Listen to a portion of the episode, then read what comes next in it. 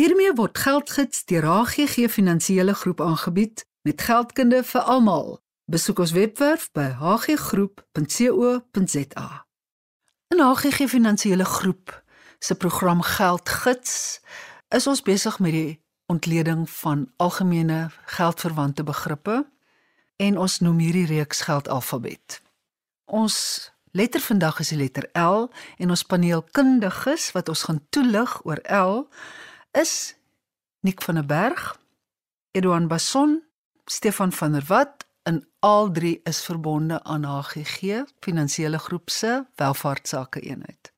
Die eenheid is 'n onafhanklike finansiële diensverskaffer met die FDV nommer 44905. Nick en Edouard Ek wil graag vir julle vra. Wat is likwiditeit? Goeiemôre Mariet, goeiemôre luisteraars. Mariet, uh likwiditeit is 'n term wat baie gebruik word uit 'n rekenkundige agtergrond. En likwiditeit is maar hoe 'n onderneming sy verpligtinge mee kan nakom. So likwiditeit is 'n uh, kontantvloei, kontant in die bank maar dit brei verder uit as nie net ten opsigte van 'n onderneming of 'n besigheid nie. Likwiditeit is uh vir 'n individu ook. Ja. Likwid is om geld te hê vir onvoorsiene uitgawes. 'n Vaste bate soos eiendomme waar baie mense oorgewig in is.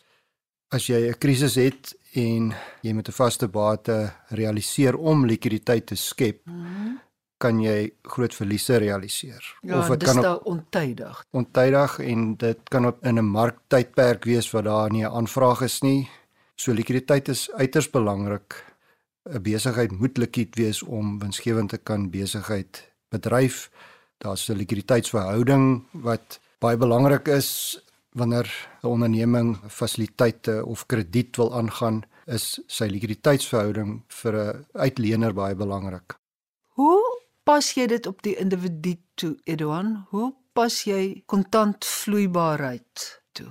So daarso sal likwiditeit natuurlik verwys na jou vermoë om vinnig jou geld in die hande te kry. Daar kan 'n mens natuurlik kyk na jou noodfonds en uh, 'n noodfonds kan enigiets wees van 'n bankrekening tot 'n effekte trust.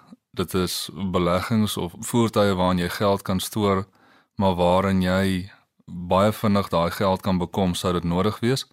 En net om 'n bietjie in te skakel ook by wat Nick gesê het, eh, as jy kyk na baie individue besit bates, maar as vaste bates wat baie moeilik vinnig kan realiseer. Ons verwys daarna as likwiditeitsrisiko. Soos wat ons in 'n vorige uh, program verwys het na geografiese risiko, is likwiditeitsrisiko ook iets wat baie wesentlik is in mense se of individue se portefeuilles as ek 'n klomp eiendomme besit, is my vermoë om daai eiendomme vinnig te realiseer baie baie skraal. Met ander woorde, ek het 'n verskriklike hoë likwiditeitsrisiko want ek kan daai bate nie vinnig realiseer nie, maar as ek 'n portefeulje het van baie gesogte aandele, kan ek daai aandele portefeulje binne 'n paar dae realiseer. So my likwiditeitsrisiko is dan baie laag. In realiseer beteken dit omsit in kontant. Dis korrek. Dit is ook hoekom die mense daar buite versigtig moet wees om in klein eenmansake of beperkte maatskappye aandele te koop. Want daai aandele mag dalk nie baie gesog wees daar buite nie. Waar geluiste maatskappye se aandele natuurlik baie meer gesog is en baie meer likwid is.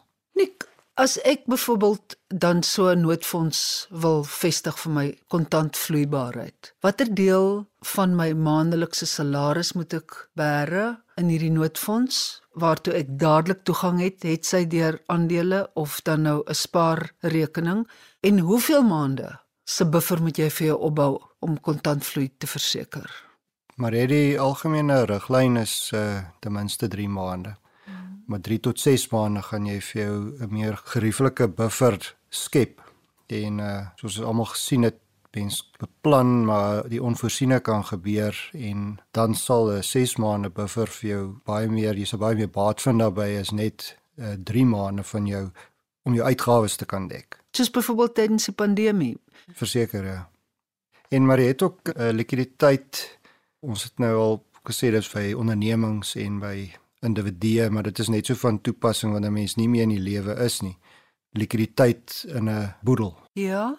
Wat baie keer 'n probleem is. As daar nie likwiditeit in 'n boedel is nie, so daar's nie vinnig realiseerbare bates nie, kom dit baie keer daarop neer dat die eksekuteur van die vaste bates moet likwideer om die boedel te kan beredder. En dit is waar ons ook in vorige programme al gepraat het. Mens kan 'n likwiditeitsprobleem aanspreek met byvoorbeeld lewensdekking as daar nie likwiditeit is nie, maar dit moet mens doen vroegtydig.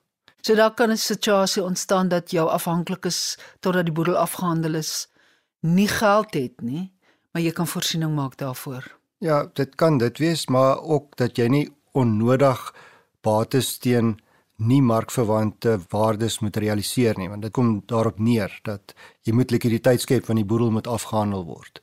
So jy het nie tyd aan jou kant om markverwante pryse op vaste bates te kry nie.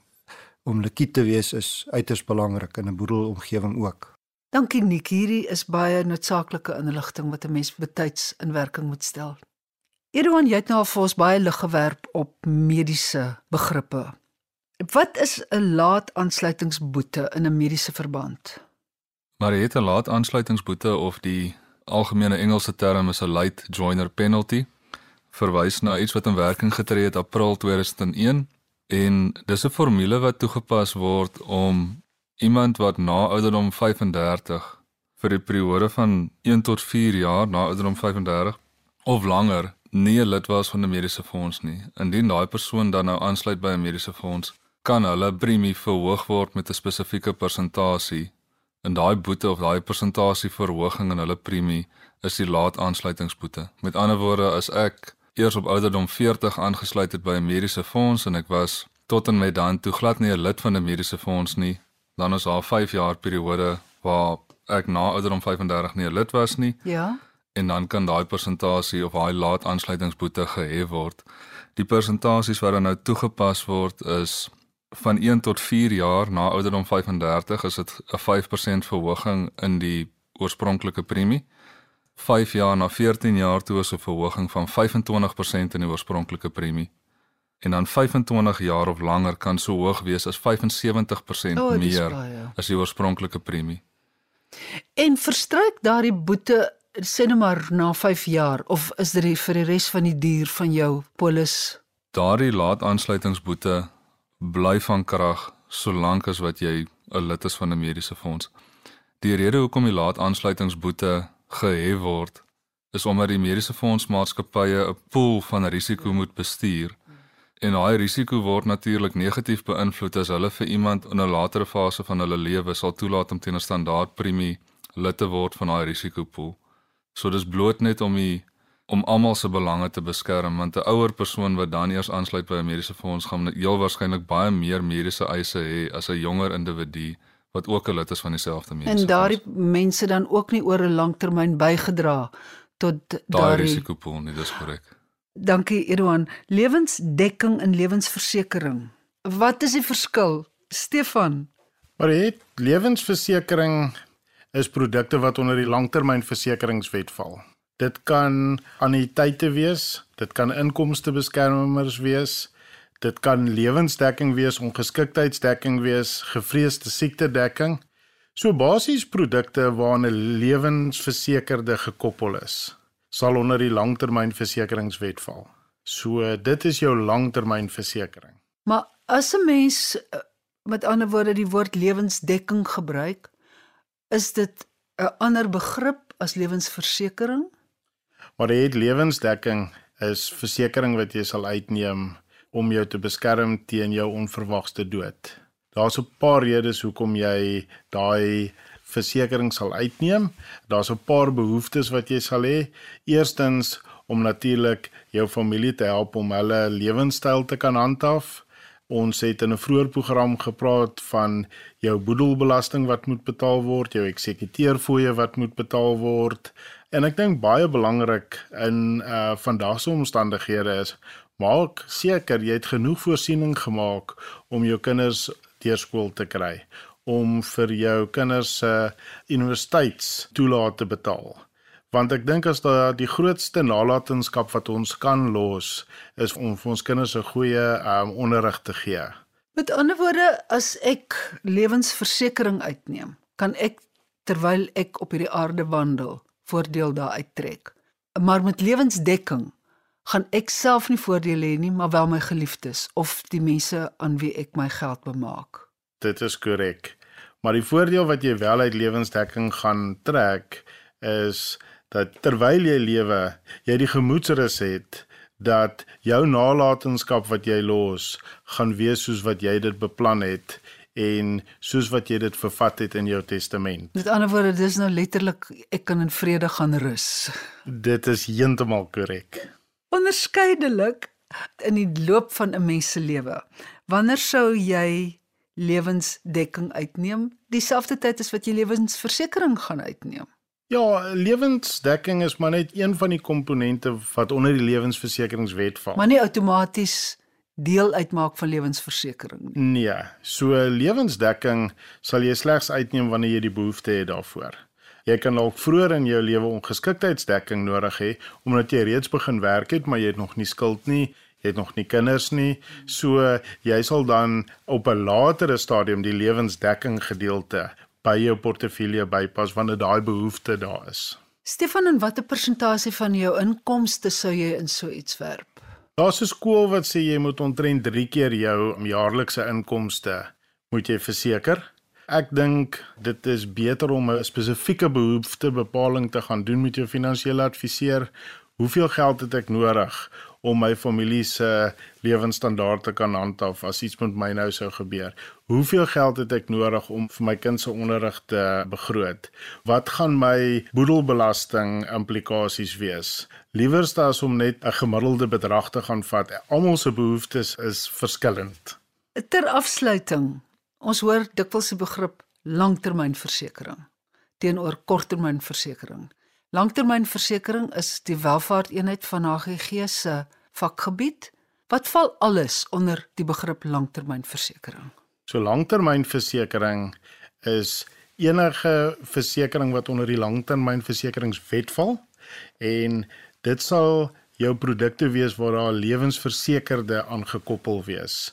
Soos ons gesê het, dit is jou lewensdekking, dit is jou ongeskiktheidsdekking, dit is jou gevreesde siektedekking. Dit kan selfs inkomsteprodukte wees soos jou inkomstebeskermers, selfs anniteite, ehm um, het 'n versekerde lewe aangekoppel. Ehm um, so dit sal alles onder die langtermynversekeringswet val.